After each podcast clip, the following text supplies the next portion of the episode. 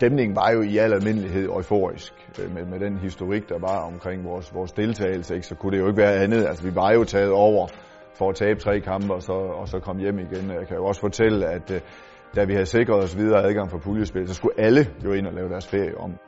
Det fortæller jo mere noget andet, at, øh, vi, at vi jo slet ikke havde forventet, at vi ville gå videre. Der var jo den her euforiske følelse, og der var vel også sådan en følelse af, at, at nu vi kan gå på vandet. Da dommerens fløjte lyder, det, det, på mange måder, så, så, er det jo, så er det jo der, det hele eksploderer.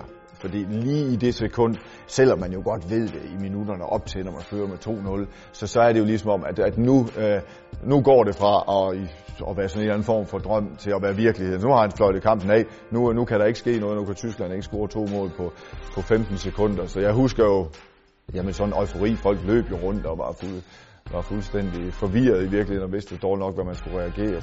Folk løb rundt og, og gav hinanden knus, og Flemming Poulsen græd, kan, kan jeg huske, det kan de fleste nok huske. Og ellers jamen, så var det jo bare den her vildeste følelse af, at noget var sket, som ingen i deres vildeste fantasi havde drømt om ville ske, da vi, da vi gik i gang med turneringen tre uger forinden.